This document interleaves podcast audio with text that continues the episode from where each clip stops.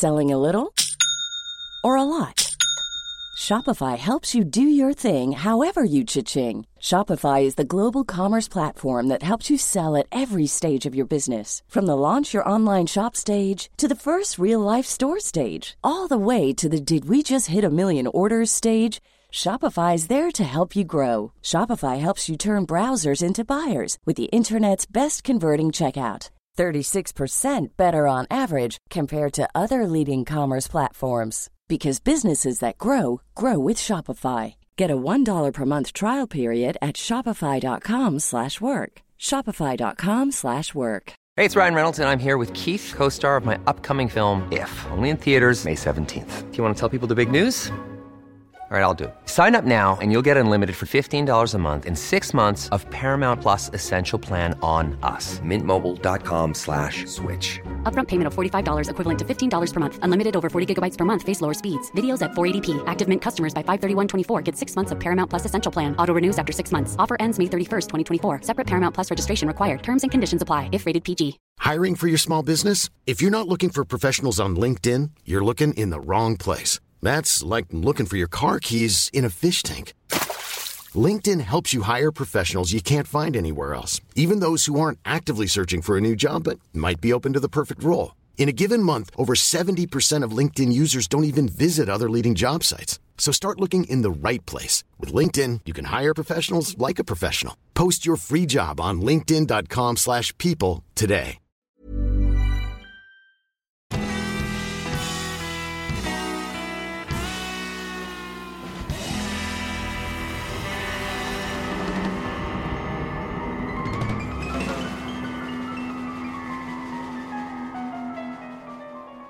Hej allihopa och välkomna tillbaka till ett nytt avsnitt av Ståpäls. Och det är ju vanlig jag, Lukas Ternestål och... Ida Utterklo. Och... Och, Och? och, och.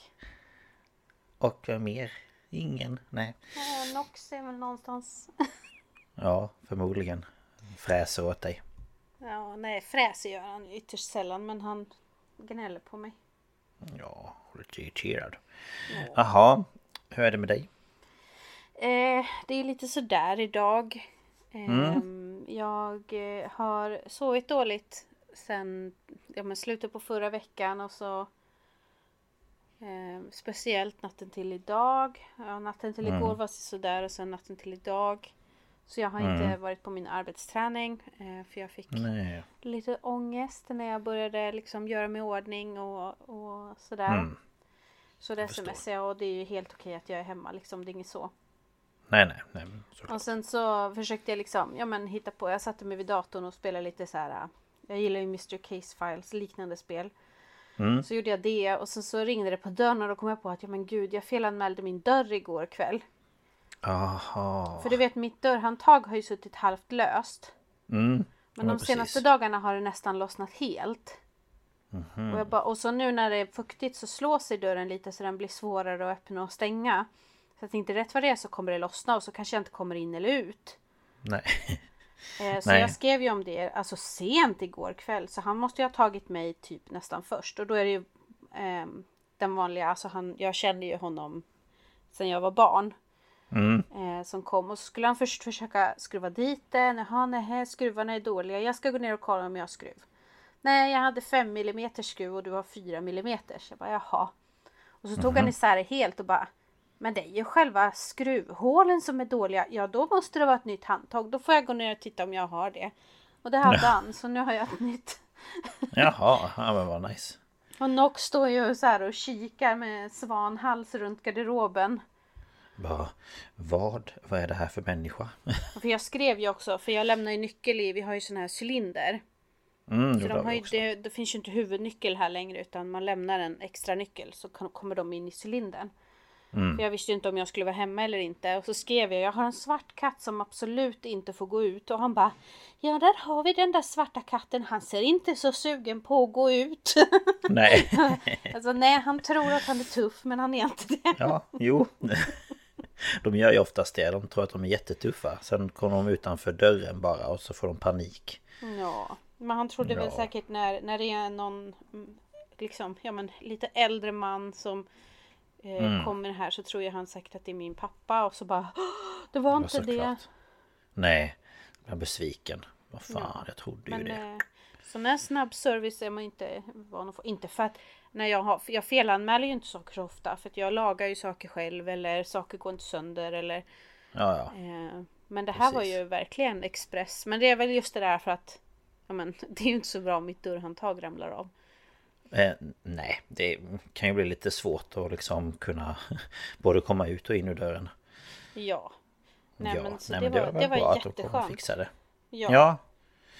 Det är ju alltid sånt man... Jag, jag klarar inte av när jag så här felanmäler grejer eller jag vet folk ska komma. Jag tycker det är så himla jobbigt. Ja men det gjorde jag också. Men, men eh, i och med att det här ändå var någon som jag liksom är lite bekant med. Då frågar ju han liksom så här, Jaha men vad gör du om dagarna nu då? Jobbar du hemma? Alltså, mm. Alltså du vet det blev lite så. Så jag kunde stå mm. där och prata lite och sådär. Men annars typ när de var här och lagade min kyl. Alltså jag är så här, vill han att jag ska stå här? Vill han att jag ska gå? Vill han prata? Vill han... Alltså... Mm. Oh, nej, och sen är det det där, nej jag vill inte att någon ska komma in här för de kommer titta runt och bara, ah, så här, så här var hon, jaha, där ligger en tröja nej, på golvet, jaha. Alltså ja. du vet. Oh. Ja, att de ska döma. Ja. ja. Men det kan jag också känna ibland när man typ så här eh, har felanmält och det är någonting som ligger framme. Man bara, åh nej men gud, tänk om de tycker att jag är jätteslarvig. Ja men då så kände jag också att man blir lite extra nojig med tanke på det problemet vi har haft med en granne här också. Mm, att just det inte har varit så fräscht kring katter och sånt där. Att, Nej. Eh, och det är ju synd men, om eh, katterna och det är ju synd om mm. grannarna och det är ju... Ja. ja. Nej men så, så först när det ringde på tänkte jag nej. Och jag tänkte jag kan ju inte låtsas som att jag inte är hemma. Eftersom jag har skrivit att det är okej att de går in med ja, nyckeln. Ja. Så då kommer man ju se att jag är hemma. Och så ja. när man redan har liksom ångest tänkte jag men det är bättre jag bara tar det nu. Ja. Och sen när han hade gått så åt jag färdigt min frukost. Och spelade lite mer och sen har jag suttit med min, jag köpte en diamond painting. Mm. Med så här halloween. Mm. Eh, vad heter det? Inte format, vad heter det? Tryck? Eh, ja, ja. Tryck, ja alltså. Halloween. Eh, det är halloween-tema. Eh, ja. Eh, så det har jag ju suttit med sen dess. Ja. Så nästan hela eftermiddagen i stort sett. Ja, och det blir ju väldigt meditativt och så har man på typ en podd eller en ljudbok. Det är mm. typ som när du lägger pussel. Ja. Jag tror att du skulle tycka att sån här diamond painting är ganska ja, rogivande. varför inte? Ja, det tror jag nog också. Det skulle nog vara att jag gillar ju pussel. Ja. Väldigt mycket. Så det, det här är ju liksom som måla efter nummer fast med små plast. Det finns både fyrkantiga och runda såna här mm-hmm. diamanter då eller vad man ska säga. Och så kommer de i olika påsar och så är påsarna numrerade. Och så korresponderar det då till ett nummer eller bokstav på bilden. Ja, liksom. ja, ja. Ja. Så det är ja, det väldigt meditativt något. att sitta där och plutta dit dem och... Ja, man ska hitta rätt färg och sådär. Ja, ja. Mm. Men jag, ja, det, det, det enda är ju svårt är för de väger ju ingenting de där. Så det räcker ju bara att du då kan putta till den här lilla behållaren så far de ju och liksom. Så det är ju det man får vara lite försiktig med och man får ju passa på katterna. Men jo, annars är det, det väldigt pusselbit också. Ja, det vet ju jag.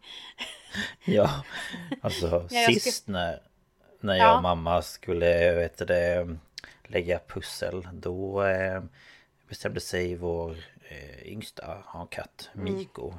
Att han skulle lägga sig på pusslet. Åh, och jag var så här, bra! Jag bara okej, okay, ja, men om han bara ligger där så är det ju fine. För då gör han ju inte så mycket. Men sen så skulle jag lyfta bort honom och då bestämmer han sig för att han ska sätta klorna i mattan. Alltså vi har en sån pusselmatta. Ja. Så pusslet viks ju på hälften. Nej. Och det var en bit som vi bara här, vad är det någonstans? Och vi letade och letade och letade. Sen när vi skulle rulla ihop den här mattan då låg den ju under mattan. Ja. Så jag bara, men alltså snälla. Han ska vara överallt och ingenstans. Ja, men jag hade ju en katt när jag var, var liten. Jag, jag, vi hade två katter ett tag när jag var liten. Men den ena mm. försvann ju. Men eh, jag skulle ju lägga pussel då. Jag kanske var typ så här 12, 13.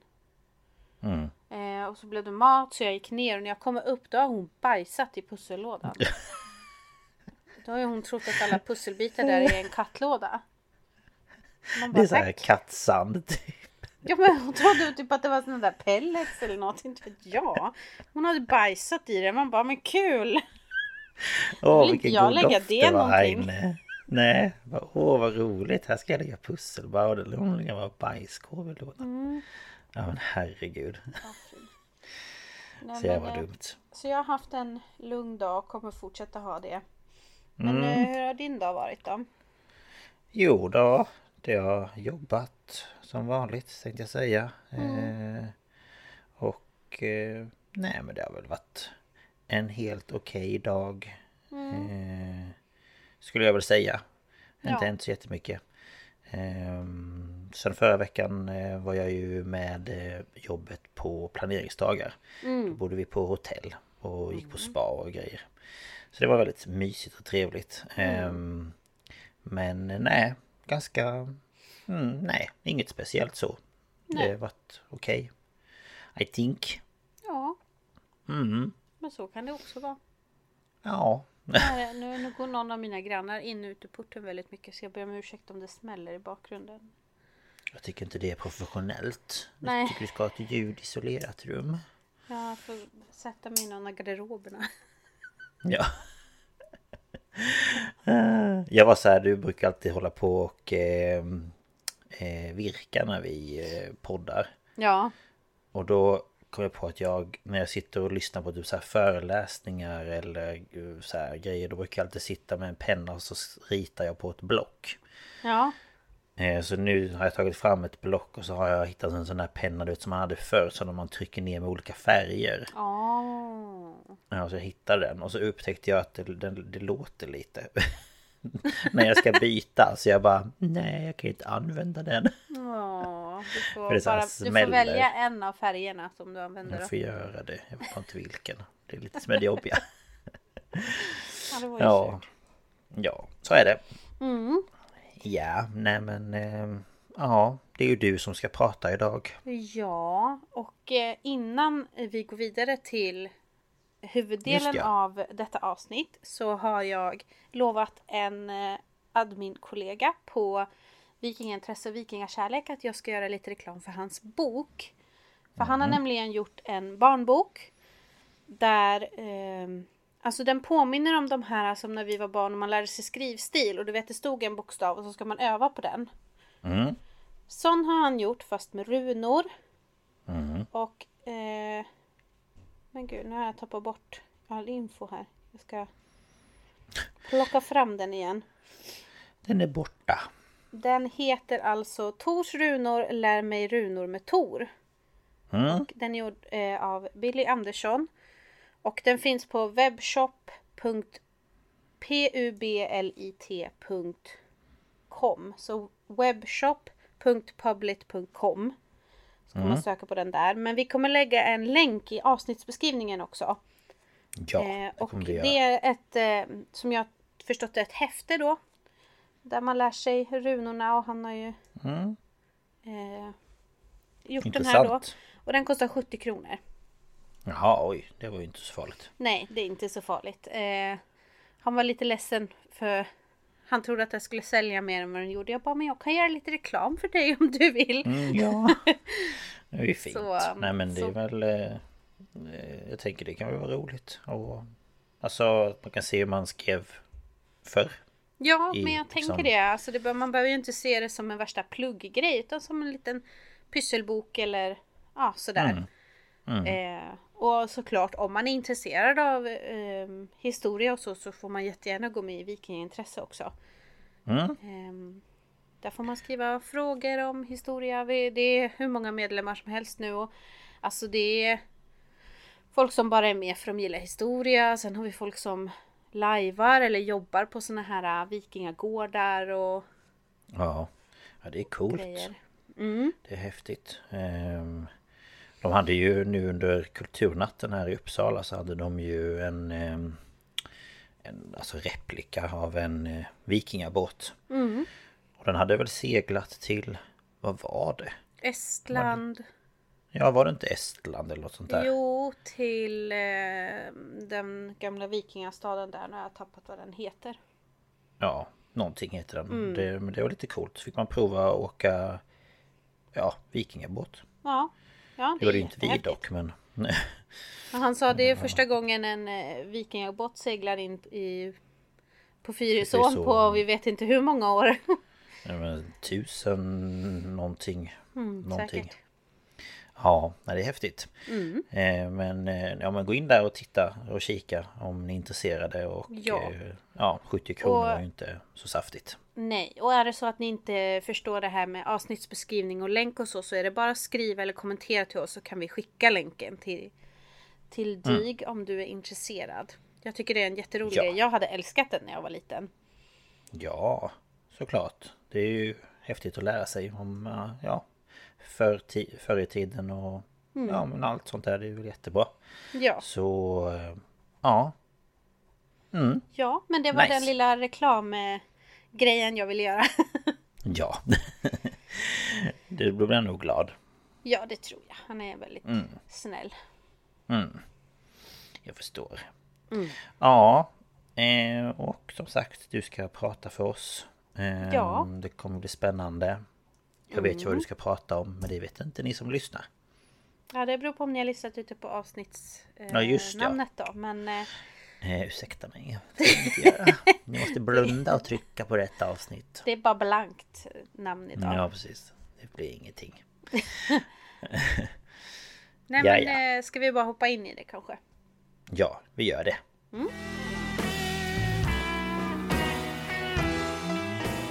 Ja, och eh, som de flesta har sett då på avsnittsnamnet så ska jag prata om en man som hette eh, Fader Gabriele Amort.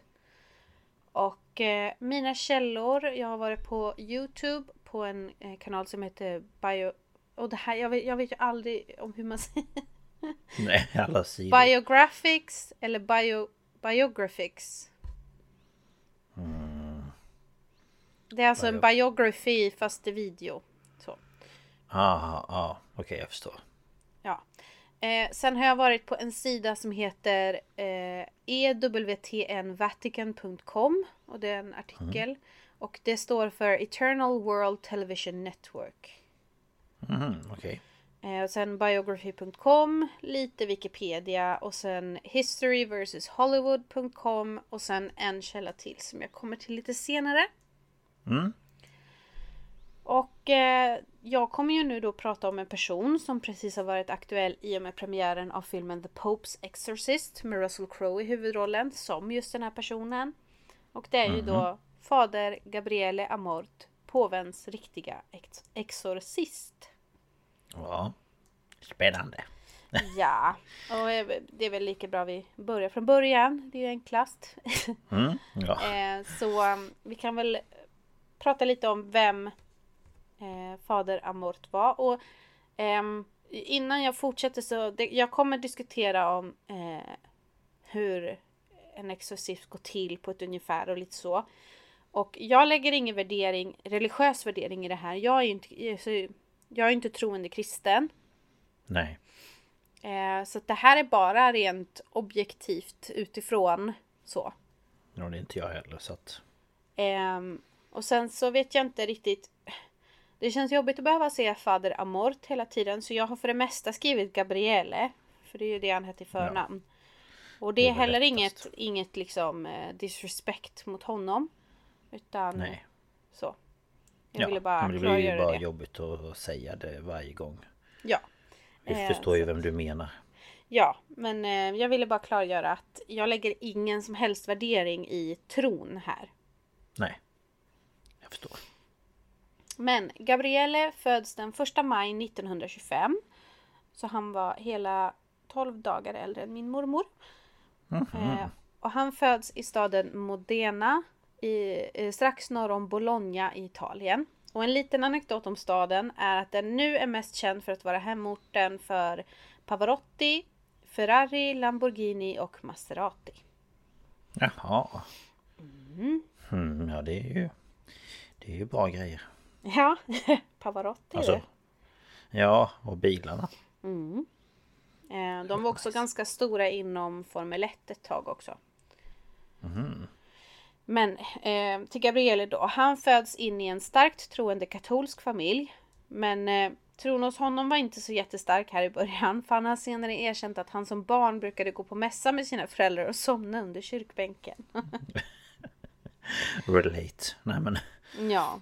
Och Det hade jag nog eh, också ett... gjort. Vad sa du?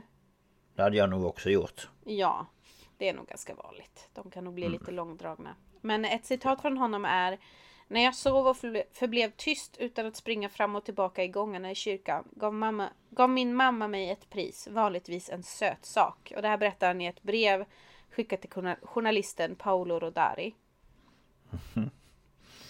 Och eh, under hans barndom lärde hans föräldrar honom vikten av sakramentet bikten. Så han biktade sig varje vecka. Det var stort för dem. Eh, och hans pappa var en tidig anhängare av The People's Party.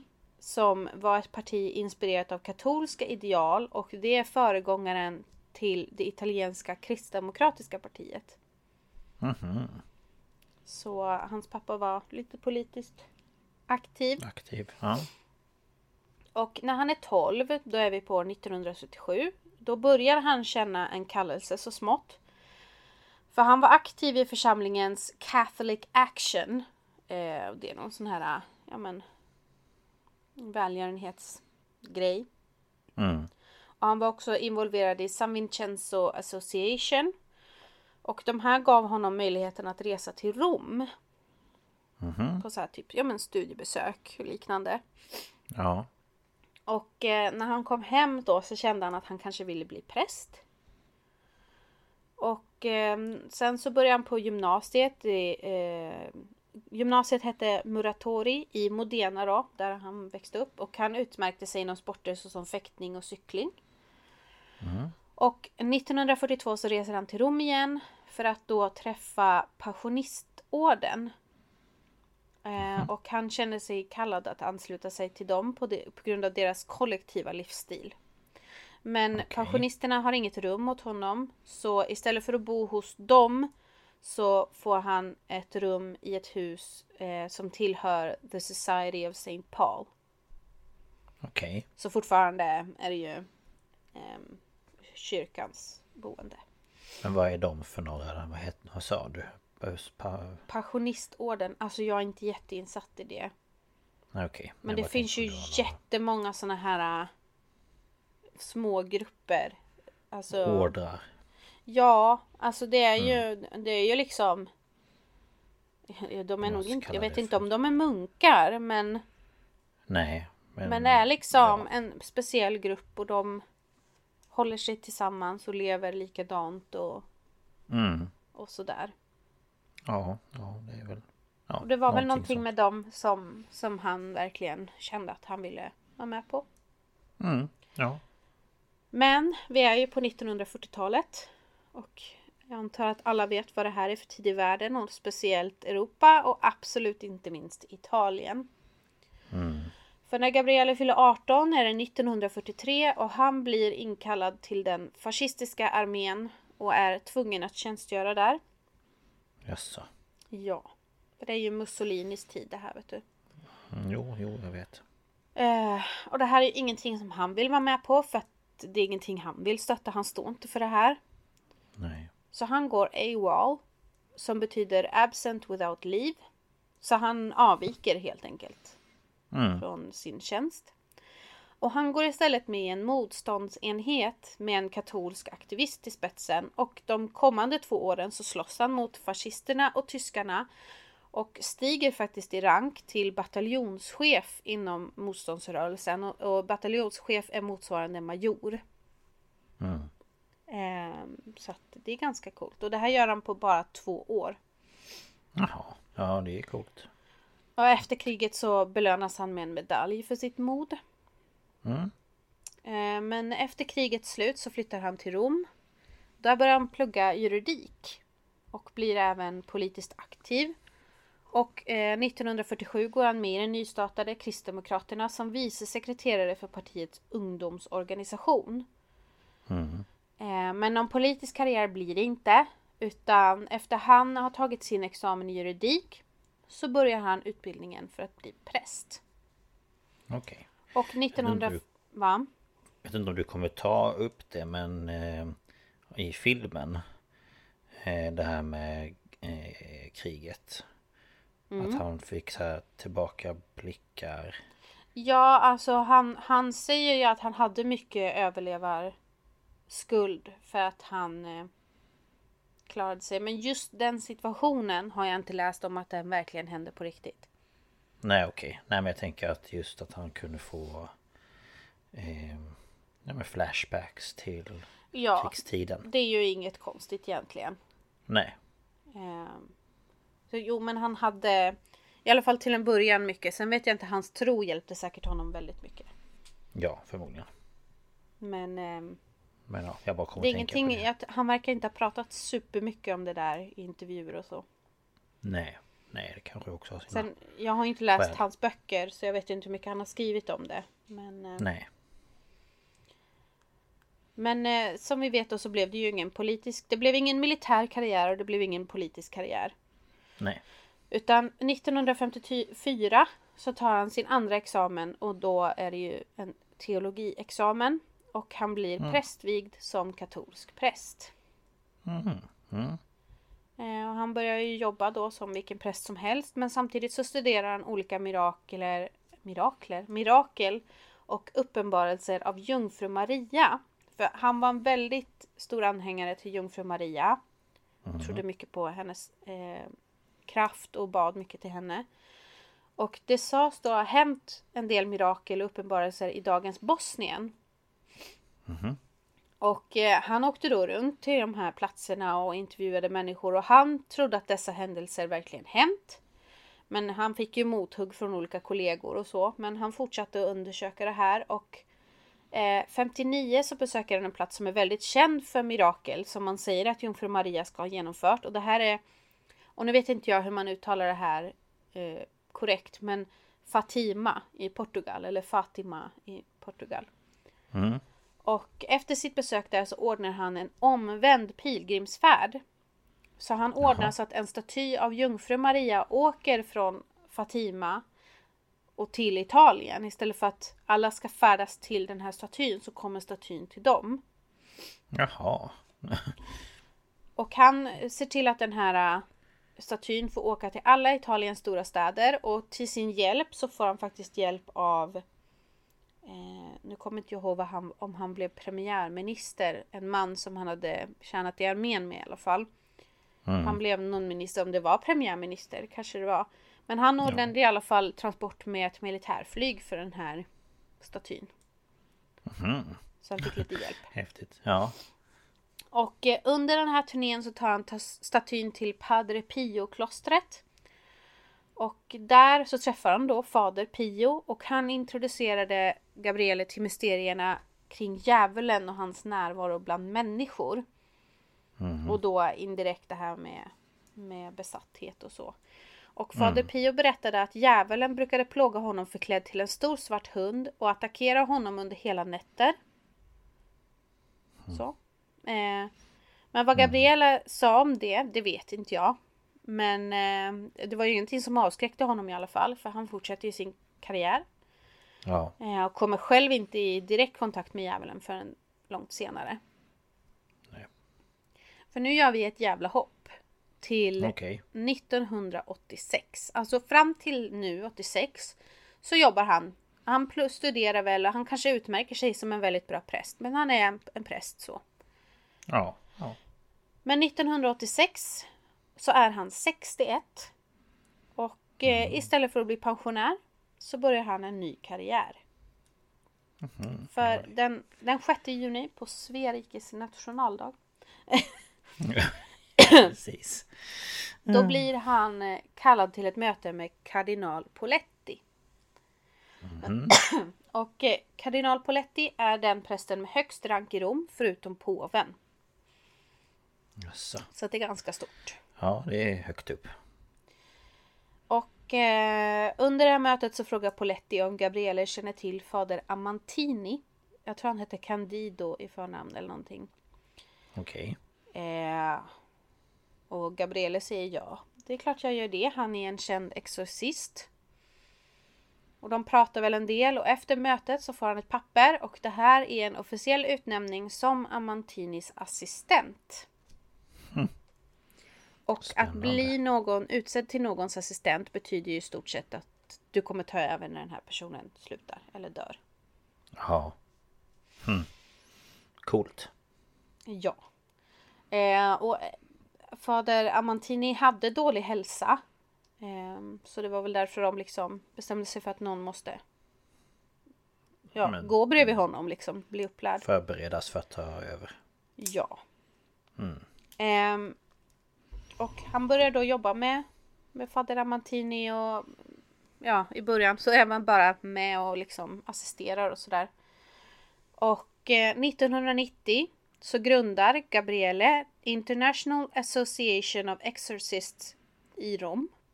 Eh, tillsammans med den franska exorcisten fader René Chesnau. Chenesau menar jag. Ja, jag ja. Mm.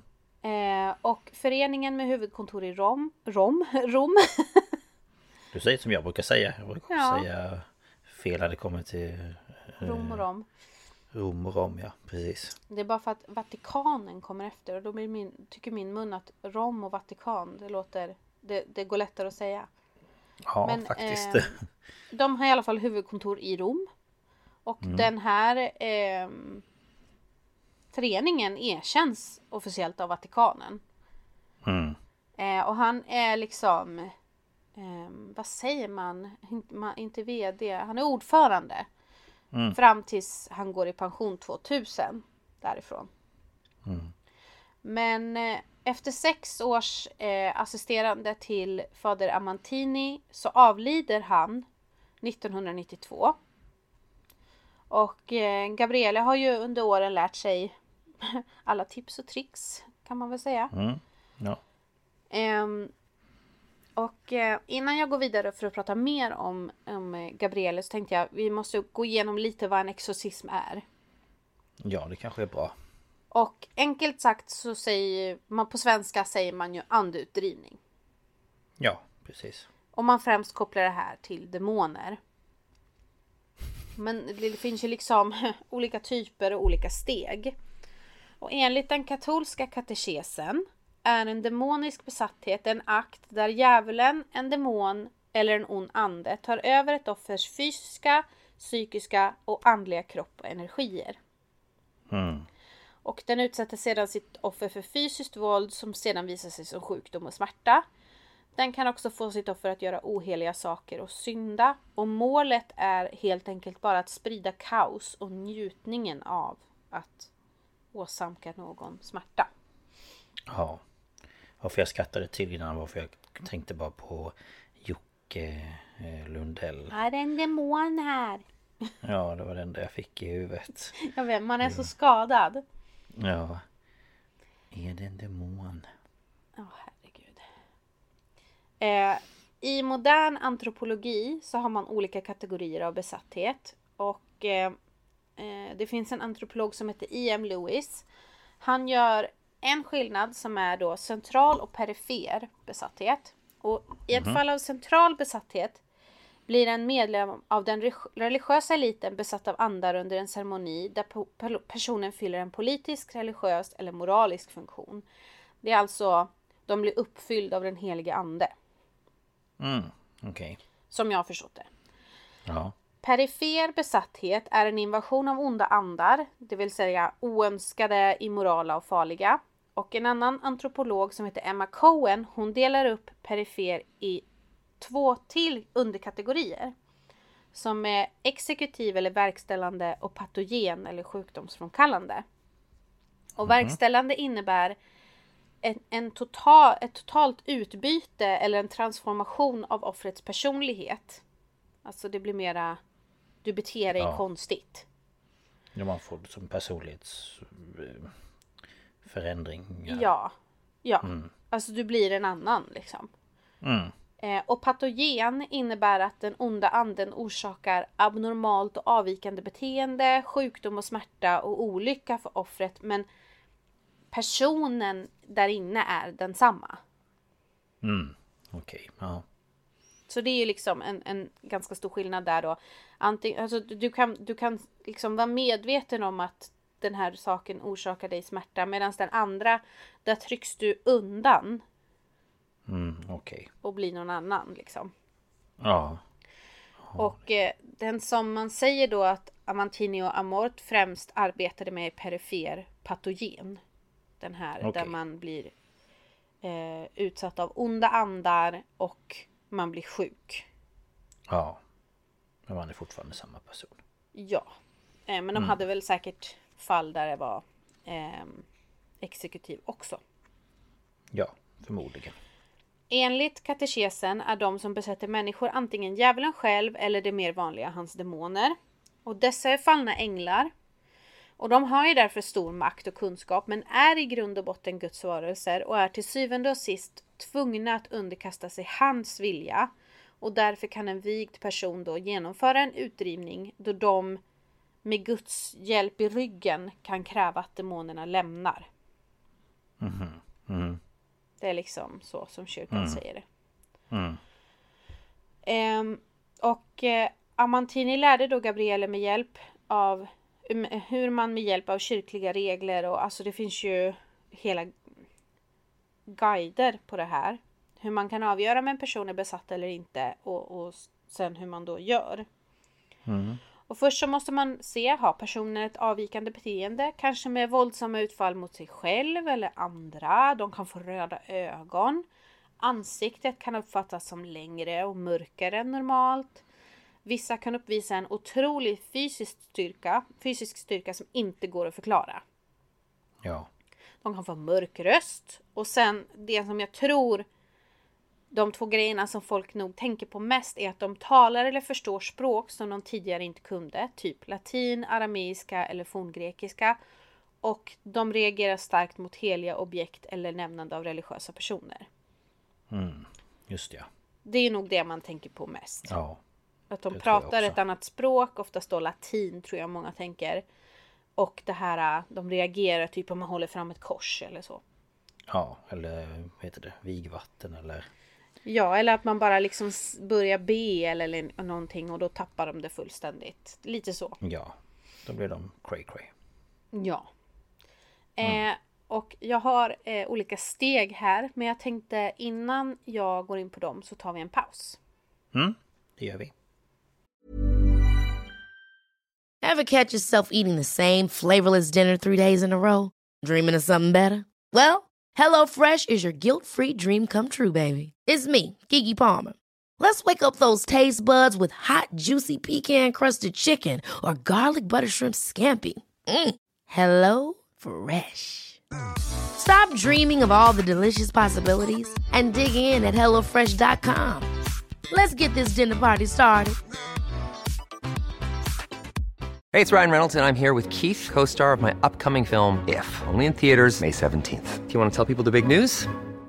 All right, I'll do it. Sign up now and you'll get unlimited for $15 a month in six months of Paramount Plus Essential Plan on us. Mintmobile.com slash switch. Upfront payment of $45 equivalent to $15 per month. Unlimited over 40 gigabytes per month. Face lower speeds. Videos at 480p. Active Mint customers by 531.24 get six months of Paramount Plus Essential Plan. Auto renews after six months. Offer ends May 31st, 2024. Separate Paramount Plus registration required. Terms and conditions apply if rated PG.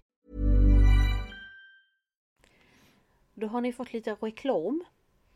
Lite Och eh, vi har några steg här då för hur man kommer fram till en exorcism och liksom så. Steg ett. Eh, om en person uppvisar olika symptom som de jag nämnde, nämnde innan pausen. Så ordnar då prästen en bönegudstjänst. Och eh, reagerar personen starkt under den här gudstjänsten. Så går man vidare till steg två. Då skickar man personen till läkare. För man vill att de ska undersökas rent medicinskt. Har den här en hjärntumör? Har de en, en psykisk sjukdom? Har de alltså eh, schizofreni? Eh, alltså allt sånt. De, vill, de var jättenoga med att det skulle utredas om personen var frisk. Ja men om den... Ja eller att det berodde på liksom någonting annat som de kan bevisa Ja, rent ja. medicinskt. För de vill ju inte att en person som är sjuk och kan få medicin ska gå igenom en exorcism. Nej, så. Gud, nej. såklart. Så det är väldigt viktigt. Och det tyckte jag, tycker jag är bra. Det var mycket fokus på det. Ja. Och steg tre är då att få ett läkarutlåtande. Mm. Och steg fyra är ju då om eh, en läkare eller liksom ett läkarteam inte kan förklara personens beteende och mående. Då ber man sin lokala biskop om tillåtelse att utföra en exorcism. Mhm. Mm. Ehm, och oftast så man tänker en exorcism utan Italien, de måste ju ha ta kontakt med Vatikanen och så vidare. Det är väldigt, det är inte bara att göra det, det är inte okej. Nej, såklart. Och sen har vi då steg fem som är exorcismen. Och enligt eh, The Roman Ritual som är liksom ga- väldigt gammal. Eh, vad säger man? Det är inte en text men det är gamla regler för hur sånt här ska gå till. Jag vet inte hur man uttalar Roman Ritual på svenska. Jag vet ju vad de menar. Men det, det, det är liksom inte, men- väldigt gamla grejer. Ja men precis. Men i alla fall enligt det här då så måste en exorcism utföras på av en vigd präst på latin eller ett annat språk godkänt av Vatikanen medan de står på vigd jord. Och det kan ju vara att de viger jorden de står på. Alltså de välsignar jorden. Så. Ja. Och den som utför ritualen måste följa en bestämd ordning av böner, salmer, uppmaningar som är menade att driva ut demonen från offrets kropp. Mm. Precis. Och eh, Gabriele han följde dessa punkter men han införde egna grejer. Eh, till exempel så bar han alltid en lila stola som är den här, eh, jag vill inte säga scarf, men du vet Sjal det bandet eller band eller ja som de lägger runt halsen. kan ju vara olika färger av olika anledningar. precis. Han hade en lila sån som han ser till att han har både över sina axlar men också personen som ska gå igenom en exorcism över deras axlar. Aha, ja. Eh, Så att det blir liksom en connection och båda de är liksom då under Guds arm kan man säga. Mm, mm. Och sen bar han alltid vigvatten och en medaljong med Sankt Benedikt. Eh, och efter det- en tid, vad sa du? Nej men det är väl, det kom jag på nu att det vet jag ju för det såg man, det är ju med i filmen. Den Ja, där medal- medaljongen. Jag tror att det är Sankt Benedikt. Är det inte det? Den som man plockar fram och visar. Jag, an- ja, alltså jag antar ju det. Ja, vi säger att det är det. Jag är ju som sagt inte jättekunnig i allt sånt här. Men eh, nej, nej men jag bara tänkte att det måste vara den eftersom det är den man plockar fram. Men ja, det kan ju vara något annat också. de kan ju ha lagt till egna grejer för att det ska bli lite Tro coolt inte också. på mig. Jag ljuger. nej, jag ska... Du är besatt. Nej, jag skojar. Ja precis, jag är besatt. Jag är inte mig själv. Men efter en tid så märker ju Alltså efter en tid som exorcist så märker Gabriella att ungefär 90% av fallen som kommer till steg 5 fortfarande inte visar sig vara riktiga fall av besatthet. Alltså man har gått igenom eh, läkarutlåtande och allting. Ehm, Så han kommer på ett annat sätt att testa. Och det här funkar egentligen bara när en exorcism redan är igång. För han menar att många personer under specifika böner stänger ögonen. Och då ska man skynda sig och lyfta deras ögonlock. Och är det bara ögonvita, alltså ögat har rullat, då är de besatt på riktigt.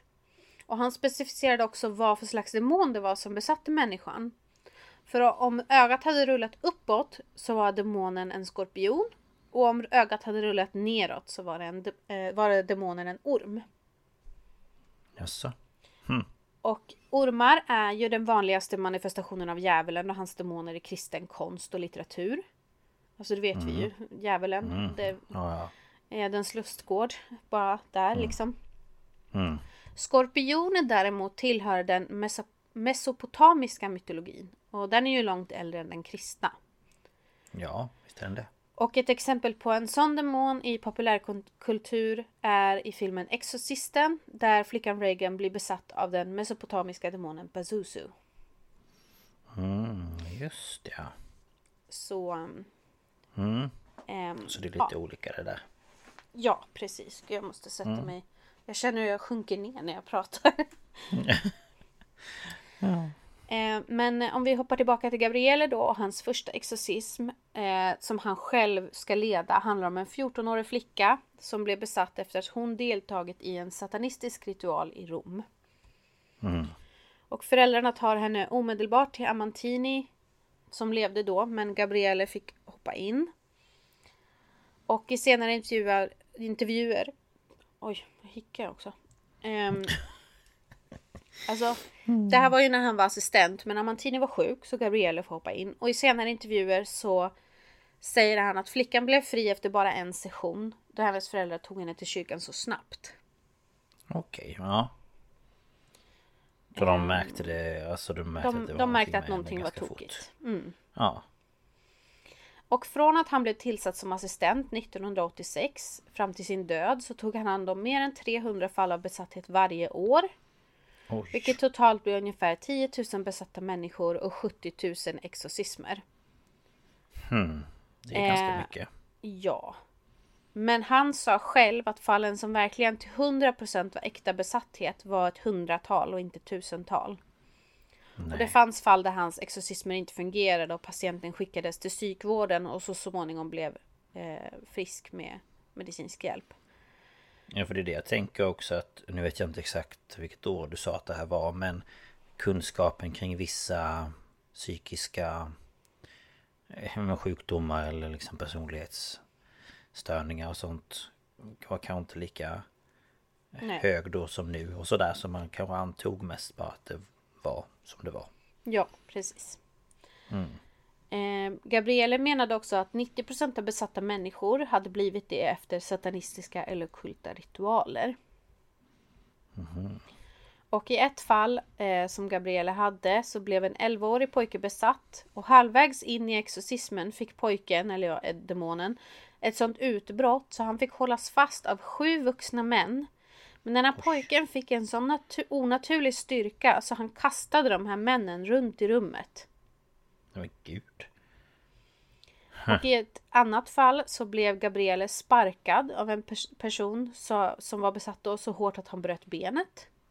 ja, men, Eh, men de flesta attacker mot präster är inte av detta slag utan det vanligaste är faktiskt att de blir spottade på. ja det kan jag tänka mig För det är en väldig form av respektlöshet att spotta. Ja förnedrig liksom Ja. Och eh, han berättade också att en gång så skulle han hålla för munnen på en person som spottade på honom och då kände han att munnen fylldes med spik. Nej. Och det här ska hänt, ha hänt ett flertal gånger och det ska vara batterier, batterier, eh, bestick. Nej men alltså folk får, ju, Ja. upp, får ju upp saker i munnen då. Ja men gud Usch Ehm, Vad sjukt. Mm. Så här bara här munnen full med spik helt plötsligt. ja. Hmm. Ja det är lite... Ja. Ja, Det låter ju... Som det låter höll jag på att säga. det låter för bra för att vara sant. Nej jag skojar. Ja men lite så. Ja. Men nu kommer vi till eh, min sista källa. För jag kollade på eh, regissören William Friedkins dokumentär The Devil and Father and Mort som kom 2017. Och det här är ju ingen duvunge som regissör utan det här är regissören till Exorcisten. Eh, och han avled ju alldeles nyss och hoppas att han vilar i frid. Eh, Ja. men han blev ju i och med Exorcisten väldigt intresserad av alltså sånt här. Ja såklart. Och eh, han ordnar så att han i april 2016 får komma till Rom och eh, träffa Gabriele och intervjua honom. Mm. Eh, och han får då höra att det är en person som har sökt eh, Gabrieles hjälp. Och han frågar Skulle det vara möjligt om jag får vara med på en exorcism? Okej. Och Gabriele blir så här, mm, ja, jag får fundera på det, jag måste fråga lite. Ja. Eh, och till slut så får han svar att eh, ja. Eh, Det här har aldrig tillåtits av Vatikanen förut. Men Nej. vi har noggrant övervägt din förfrågan och ja, du får vara med. Men det är bara du. Du får inte ha något team med dig, inget ljud, inget ljus. Utan du får ha en eh, handhållen kamera och det får bara vara du. Okej. Så det är det den här dokumentären handlar om egentligen. Ja. Och den här personen som har sökt hjälp är eh, Kristina. och hon är 46 år och arkitekt. Men hon kan inte jobba på grund av att hon är besatt. Och hon har sökt hjälp vid flertal tillfällen och när eh, William är där så har det redan genomförts åtta exorcismen. Eh, Men djävulen släpper inte taget om henne. Nej. Och han får då veta att han får lov att vara med på hennes nionde exorcism den första maj 2016. Mm. Ehm, och eh, de pratar ju lite innan och sådär om, om det här och man ser det också i den här eh, dokumentären att eh, man samlas alltså det är lite roligt att bara du får inte ha något team, du får bara vara du. Men sen är typ halva hennes släkt med i rummet. Men det kanske vi inte Ja. ska diskutera. Nej, låter lite konstigt bara. Men, eh, ja, men hela hennes eh, familj är med där och det är flera präster så det är inte bara Gabriele. Nej. Och det han gör innan liksom allt börjar det är att han, de säger ju stick his thumb at the devil. Men du vet när man sätter tummen mot näsan och så lillfingret rakt ut och så fladdrar man med fingrarna. Ja, som Du vet typ såhär lång näsa. Mm. Ja. Så gör han till djävulen innan han börjar. Jaha. Och det gör han varje okej. gång. Jaha. För han, eh, han säger också till djävulen vid ett tillfälle att du är inte värd mer än en cigarettfimp. Ja. Säger han till djävulen. Ja. Men eh, de eh, samlas ju där i rummet och så får ju alla be tillsammans. De här vanliga bönerna. Liksom. Hon sit, han sitter på en stol bredvid henne. Hon sitter i en fåtölj, Kristina då. Mm. Och så ber de och... Ja, det är en massa... Jag har inte liksom tagit, igenom, tagit med precis allt för att just det här med översättningen är lite halvdålig för det är ju såklart på italienska. Ja. Eh, Så allting översätts inte heller. Nej. Jag vet inte. Ja, det är lite konstigt. Ja, verkligen. Eh, men de... eh, Ja men de ber ju olika böner. De går väl igenom vilka de ska be och sen får man väl be tyst om man vill. Och, och eh, han lägger då handen på hennes panna och säger lämna henne i Faderns, Sonen och den helige Andes namn. Och sen lite mer som då inte är översatt. Och under tiden så sitter hon där och hon börjar liksom så här typ nicka, halvt skaka och nicka på huvudet och liksom ser ut som att det gör ont typ. Och hon börjar, för han lägger ju sin hand på hennes panna och hon börjar liksom vrida bort huvudet. Mm. Och plötsligt så skriker hon eh, basta, som betyder stopp. Och sen nej, nej, nej, håll dig borta från henne. Och det som jag reagerar på är ju att, för man hör ju henne, hör ju henne prata innan och det är en vanlig kvinna liksom. Men det här Ja. låter som att det är flera röster i en, om du förstår vad jag menar. Du kommer få höra alldeles snart. Ja, ja. Eh, Men han fortsätter be och han ber till Gud att befria henne och han smörjer henne med helig olja och hon gör så här små utfall och ryck. Så det är ju flera män som håller i henne. Bland annat hennes pojkvän och någon annan präst. Ja, ja. Och, ja. och alla i rummet ber i kör och hon försöker resa sig upp och skriker nej, låt bli henne, hon tillhör oss. Skicka iväg prästen, jag tål det inte. Hon tillhör mig, basta. Och sen vid något tillfälle så säger han säg ditt namn. Och då säger hon jag är Satan, sluta med det här. Och så frågar han igen vem är du, hur många är ni? Och då får han svaret Satan, vi är legion och vi kommer aldrig lämna. Och sen, ja men det är mycket sådana. Ja, ja. Och jag har spelat in ljud ifrån det här och det kan låta lite hackigt men det är för att jag har liksom pausat inspelningen och sen hoppat fram så ni ska få höra lite av det här för att hela det här pågår i typ en kvart. Och jag har Oj. liksom tagit lite grann ner till dryga två minuter så att ni bara ska få höra och då kommer ni höra honom. Och det hörs att han är väldigt gammal.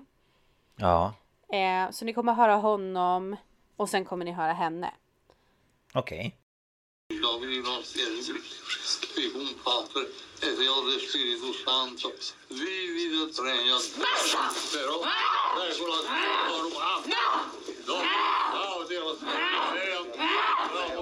Santo veglia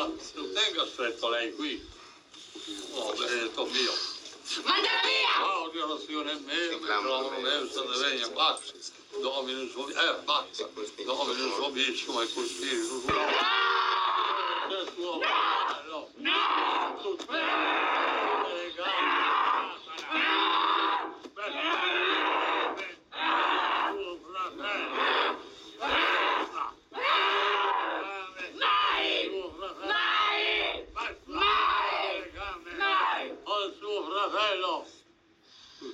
È male, peccato, invidia, gelosia, perfidia, la malattia, fisica, mai, mai, non la tocchi, non la tocchi, usa tutti questi mali nell'inferno, i mali nell'inferno, e di andare nell'inferno eterno, nell'inferno eterno, nell'inferno eterno, incatenati da tanti che li assaggio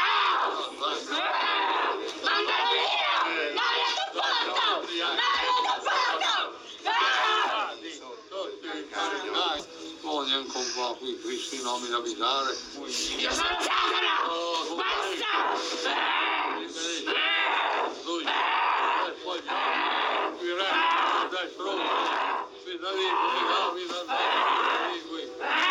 Ragazzi di terra da esteriore Dite come ne qui. Dicasmi il nome. Satana! Solo. No! Quanti siete? 80 militari! Quanti? Quanti ce ne sono? Quanti ce ne sono con te? Quanti diavoli ci sono con te? 80 capi! 80? 80 capi. Viene sono messi tu stui? Quando esce? Mai! Quando esce? Mai! In nome di Gesù, dicasmi.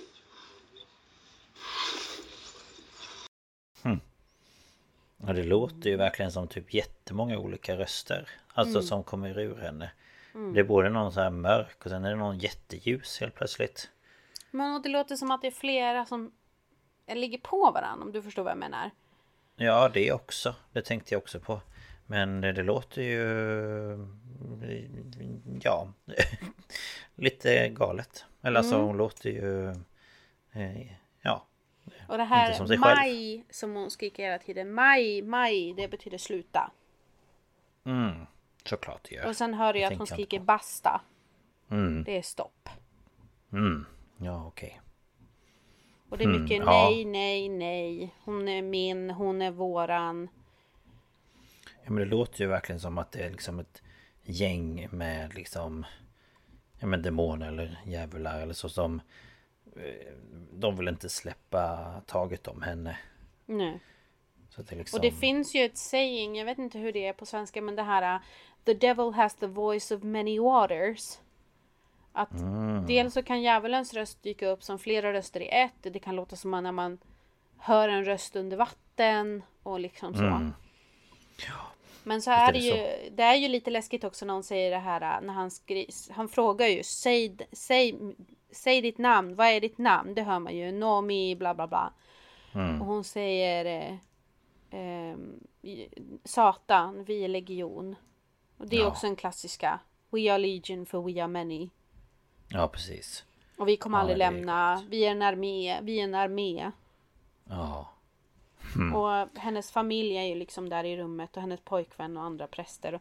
Det är någon, någonting som de säger också som Gabriele tittar upp. Jag vet inte om det är, det är någonting på O. Som, som hon säger och då tittar Gabriele på prästen som hjälper till att hålla i henne och de tittar på varandra och får här samförstånd och det är inte textat vad det är hon säger där. Men det är någonting hon säger som de reagerar på. Och jag vet Okej. inte om det är ett namn eller ett uttryck. Men Aha. Ja det är så om svårt man- när om man, eh, italienska Ja, så om man tittar på den här så kan man titta efter det. Det är mot slutet liksom. mm. Men Ja eh, nej, men det var Ja Herre med sen helt plötsligt så blir hon sig själv. Och hon ber, eller han frågar henne. Nej, han, han pratar med henne som att hon är ett litet barn. Och frågar om hon vill ha vatten och det vill hon ha. Och sen tittar hon så tacksamt på honom. Jaså Och ja men det verkar vara, hon verkar vara botad.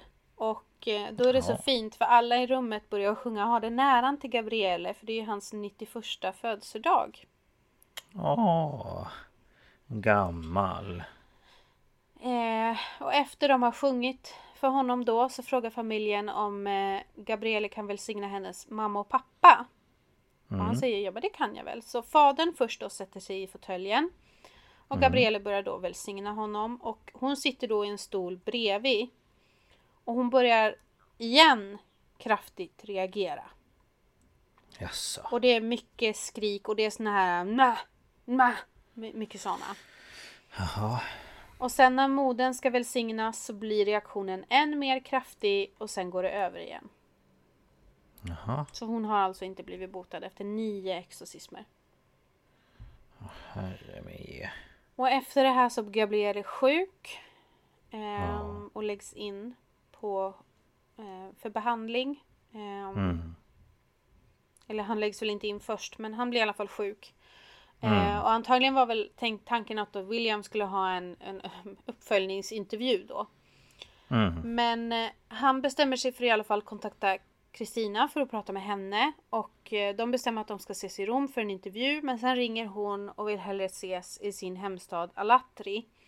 Som är 200 200 miles ifrån eh, Rom. Så det blir ju, vad blir det? Jag skulle ju egentligen ha kollat vad det blir innan. Men jag är så dålig på att komma ihåg såna här små grejer. Vi ska se här längd. Miles. 200 och så vill vi ha det i kilometer. Ja det är... um, Kan det stämma? Ja, det är, det är i alla fall en sån här 30 mil eller någonting. Jaha. Tror jag. Ja, det är. Det är en bit. Det är en bit, ja. Ehm, och det är lite så här, ha, mm, ja men vi vill gärna, eller jag vill gärna intervjua Prata. henne. Så han åker dit. Mm. Ehm, med då en italiensk producent som heter Francesco, tror jag det var. Ehm, som då i tolk och sådär. Så de åker dit den 4 juli. Ehm, och ehm, de åker till möte, mötesplatsen i en park utanför en kyrka. Med, som hon då har valt. Men hon dyker inte upp. Så producenten ringer till henne och när hon svarar så är hon skitarg och är så här, var är ni någonstans? Och han bara, men vi är vid mötesplatsen, var är du? Jag är där ni sa att jag skulle, där, där jag sa att jag skulle vara, vid Santa Maria Maggiore, kyrkan vid torget. Och de bara, ja okej, weird. Och de kommer till den här kyrkan och går in och det här är i och med att det är en kyrka då så han filmar inte det här utan det här är hans berättelse. Alltså Williams då. Eh, De kommer in och det är iskallt. Och, det är, och det är liksom mitt i sommaren i Italien, det är så här 30 grader i skuggan. Jaha. Men det är iskallt. Och på golvet så ligger Kristina på golvet och hon ålar och hon skriker. Och hennes pojkvän är där och försöker hålla fast henne. Medan han skriker på dem att de ska ge tillbaka filmmaterialet som de har filmat. Och då skriker ju hon med den här konstiga rösten Nej, jag vill att det ska visas. Och pojkvännen säger då till William Ge det till oss annars dödar vi er. Vi dödar er familj och vi dödar alla er andra. Men gud. Och då lämnar de kyrkan, han och den här producenten. Eh, konstigt. och sätter sig i bilen och de säger typ ingenting på hela vägen till Rom. För att de är, de är så uppskakade. Ja, det, det är inte så jävla konstigt. Och det är det sista han hör ifrån Kristina. Han vet inget mer sen. Nej. Men gud vad sjukt. Ehm, Eller ja, det, det, det sista han vet är att hon svarar inte på hans kontaktförsök men eh, hans kontakter i Italien säger att hon söker hjälp hos andra präster. Men hon är Ja. inte fri. Men man undrar ju om eh, han också börjar bli lite besatt. Pojkvännen alltså. Ja, så det vet man ju inte. För jag tänker det låter ju väldigt konstigt för... Ja, nej jag vet inte. Jag kan också känna lite så här att Även om man säger att eh, ja, någon skulle bli besatt säger vi och säga tillsammans med den personen Även om prästen hade sagt att nu är liksom den här onda ja, men, Demonen eller djävulen så eh, Borta Så hade jag varit så här Fast är den verkligen det? Alltså jag hade haft svårt att finna någon ro i att Mm. det skulle vara över. Eller, Ja, ja. det är svårt. ja. Men eh, det som är synd är ju då att Kristina kan inte fortsatt eh, få hjälp av Gabriele. För i slutet av juli eh, 2016, alltså samma år, så fick Gabriele lunginflammation och lades in på sjukhus. Och den 16 september 2016 så avled fader, fader Gabriele Amort, 91 år gammal. Mm. Och tusentals människor kommer från hela landet för att delta på hans begravning. Jaså. Alltså det är landssorg. Ja, ja, ja. Ja, det. Eh, så han verkade vara en otroligt omtyckt människa och präst. Mm. Eh, och han... Eh, även när han låg på sjukhus så tog han ofta av sig sin andningsmask för att eh, lipa och mm, som de säger blow raspberries. Du vet såhär. Ja, Eh, så till sjuksköterskorna och så. ja. Och i det sista klippet som eh, William visar av Gabriele i den här dokumentären är när de har haft sin första intervju. Och Gabriele går med sin rullator till hissen. Eh, och väntar på att den ska komma så lipar han åt kameran och skrattar. Så han verkar ändå vara en, eh, en härlig person. Ja. ja. Ehm, och det får de ju med lite om vi ska diskutera likheterna med den här filmen då, The Pope's Exorcist. För att jag läste här nu om det och eh, det här klostret som det utspelar sig på, det finns inte. Nej, okej. Eh, Gabriele körde aldrig moped Nej, okej. och eh, han hade heller aldrig röda strumpor. Nej. Eh, och ehm, tiden i filmen är ju lite tokig för den utspelar sig ju typ 87. Eller vad det är. Ja, Är något inte sånt något va? sånt? Jag tror ska, det. Jag ska kolla lite snabbt vilket år. Eh, men hur som helst så var ju han inte exo- lead exorcist då. Nej, just ja. Det blir lite fel. Eh, du. Ska vi se vilket år det var. Om det står. Det borde väl stå när det utspelar sig. Det har varit konstigt annars. 87. Och han Jaha. blev ju assistent 86. Ja, så då var han ju inte färdig... Färdig... Alltså han var ju inte... Han var inte, han var inte då, exorcist då. Eh, och de säger ju att den ska vara loosely based på hans böcker. Alltså han har ju skrivit ett flertal böcker. Eh, vad fan var det de hette? Men typ sådär. Eh, en exorcist berättar sin historia. Eh, Och det var någon som hette typ eh, The Exorcist and, eh, and His Stories. Eller no, alltså det var så han har skrivit liksom flera böcker själv. Biografi, biografiska böcker då. Ehm, och sen så, ja, just det här, det här med att nu, nu spoilar ju vi filmen om det är någon som väldigt gärna har velat se den. Så om du inte vill ha fler spoilers så stäng av. Ja. Men det här med att då djävulen skulle, eller Asmodeus då, eh, skulle ha bes, besatt en tidigare exorcist och det skulle ha varit starten till spanska inkvisitionen och att han låter sig bli besatt av den här. Det har aldrig hänt. Nej. Så den är ju väldigt löst baserad på händelser. Jaha. Okej. Ehm, och det här att de liksom hittar då såna här gates of hell typ. Det har inte heller hänt. Nej. Men eh, Russell Crowe ska ju ha läst mycket om Gabriele just för att fånga lite av hans person. Jo, men det tycker jag ju. För det, det märker man ju när han är så här koko säger han ju till, Ja. till eh, nunnor och sånt när de går förbi. Så jag, jag skulle liksom säga att de har ju löst baserat på att, att den här personen verkligen, Gabriela, har funnits. Mm. Eh, och så. Men det är inte mycket i filmen som är på riktigt. Alltså som har Nej. hänt. Eller som liksom stämmer överens. För i den så får, Ja, de ju, får man ju också känslan av att han har ju varit påvens exorcist hur länge som helst. Ja, alltså, Alltså i att han är filmen ju erfaren och han har jobbat med det jättelänge. Medan i Mm. verkligheten så var han ju färsking och assistent. Mm.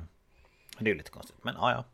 Jag ville vet inte väl, eh, riktigt hur de tänkte där. Men det kanske är för att Nej. de, de la ju upp det som att det ska komma fler filmer. Ja, det kändes och då som kanske det. de vill att det ska hinna utspela sig innan han blir för gammal. För jag menar också om man tittar på i filmen alltså då- 87 då, då skulle han vara 62. Mm. Och det, det Jag vet inte hur gammal Russell Crowe är. Han kanske Nej, är det, det vet jag inte. Herregud hur gammal är Russell Crowe? Han måste väl vara lite, ha lite ålder i sig. Jo Eller jo. till sig. Men... Han är vad kan han 59. vara? Ja, så typ. Ja, nästan. Men han ser ju mycket yngre ut måste jag ändå säga. Men, ja, eh, visst gör han det. men så att, eh, den, den eh, skildrar kanske personen Gabriele mer än en händelse i Gabrieles liv. Och alltså de frå- Jag har läst också att folk är så här. Har han liksom givit sitt medgivande? Att de skulle få göra sånt här. Och faktiskt så gjorde han det. Han sålde typ rättigheterna till att göra film om honom året innan han dog. Jaha. Som jag har förstått det. Så att eh, det är ingenting som liksom har gjorts. Eh, Nej, men utan hans vilja. Nej men precis. Sen så Mm. han hann ju inte få reda på den här. Men det hade varit kul om han hade levt och fått höra vad han tyckte. För han, Ja. han ska ju ha sagt att han tyckte att Exorcisten var ganska kul. Eller vad ska man säga? Ja, lite, Han tyckte att den, den hjälpte ju till att öka medvetenheten om besattheter och att exorcismer faktiskt händer. Det tyckte han var bra. Ja, det förstår jag. Ehm, och så. Han hade ju lite Mm. roliga åsikter. Han tyckte ju att ehm, Harry Potter fick ju barn att vända sig ifrån Gud. Jaså? Eh, och sådär. Jaha. Men så, så Mm. sa han ju också att han hade ju inget emot häxor eller så här moderna häxor för att han sa att de flesta är ju harmlösa. Ja. Så, så han, han, han hade lite blandade åsikter om saker, Om kan man väl saker. Mm. säga. Eh, men, eh, men så Harry Potter var han inget fan av. Nej. Det kan man synd. nästan förstå alltså. Ja. Såklart. Men ja, det är Men, smaken eh, som baken. Ja, det var Mm. alltså den riktiga fader Gabriele Amort. Påvens Mm. exorcist. Spännande. Mm.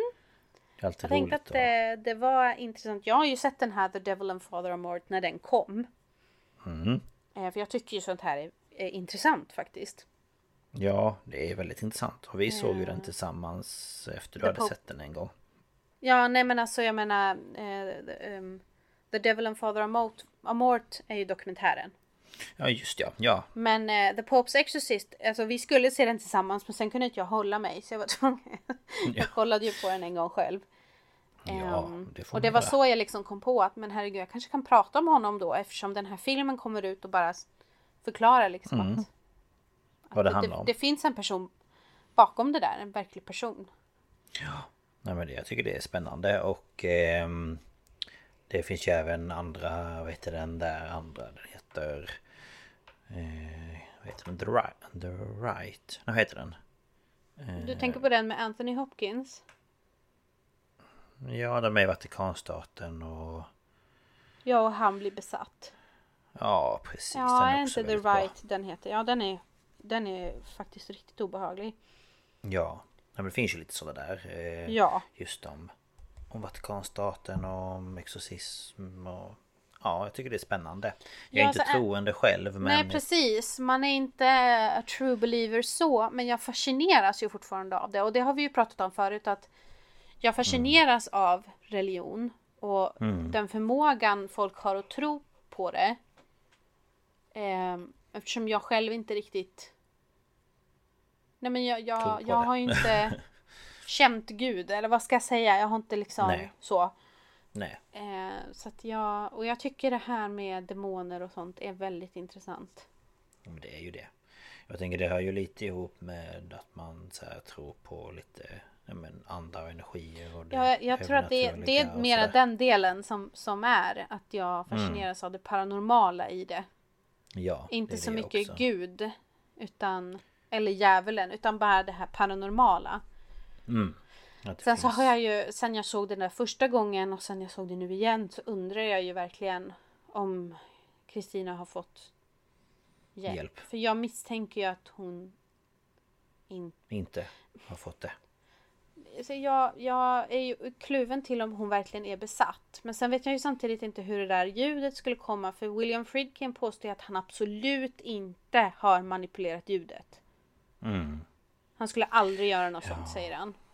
Nej. Ehm, Nej det får man ju alltså jag tänker Det får man ju då det är ju det vi har att Ta gå för på. vad det är liksom ja Ehm, det, Men jag tänker att det Ja Men oavsett, oavsett om det nu är andligt eller medicinskt så måste ju hon Det måste ju gå att hjälpa henne. Ja men det tycker man ju Men sen är det väl om det nu är flera Så kan det ju vara svårare Mm. Så Ja, Ja. nej vi får väl Ja jag vet inte Det är ju inte så lätt att få fakta om liksom Nej, alltså sitter man och söker ett tag kanske man kan hitta information om henne. Men eftersom fokus inte var just på henne så Nej gjorde Nej, inte jag det jag nu. förstår. nej. Ja, nej men eh, det var väldigt spännande i varje fall. Jag tycker också det är intressant och Mm. Jag tänkte sådär. att Och... du skulle tycka att det var lite spännande och speciellt då när jag Mm. lägger in ljud. Jag tänker sånt tycker du är lite Ja, läskigt och så. ja, men det är ju roligt att också få höra för att man Mm. Alltså, ja. Och så får vi ju sagt. hoppas nu på att vi inte får copyright på det här men det tror jag inte. Nej. Det lär vi jag märka. Det märker vi, ja precis. Ja, nej men tack för detta. Det, Ja, var det är så lite så. som sagt intressant. Ehm, mm.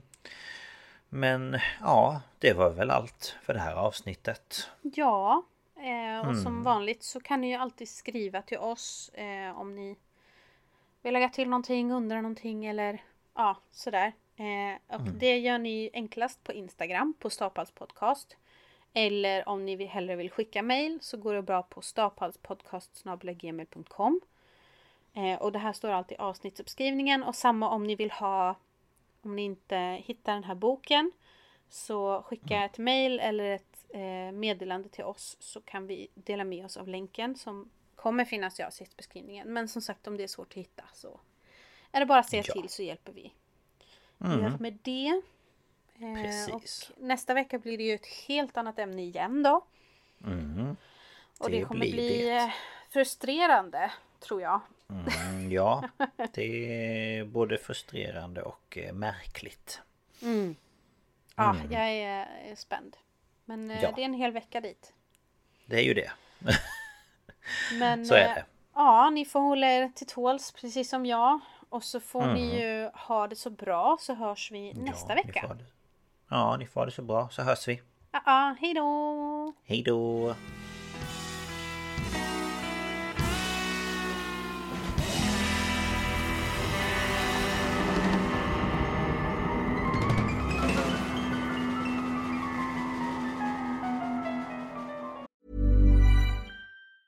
Planning for your next trip?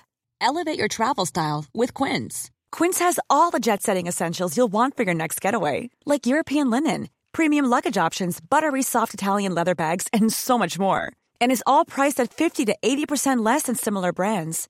Plus, Quince only works with factories that use safe and ethical manufacturing practices.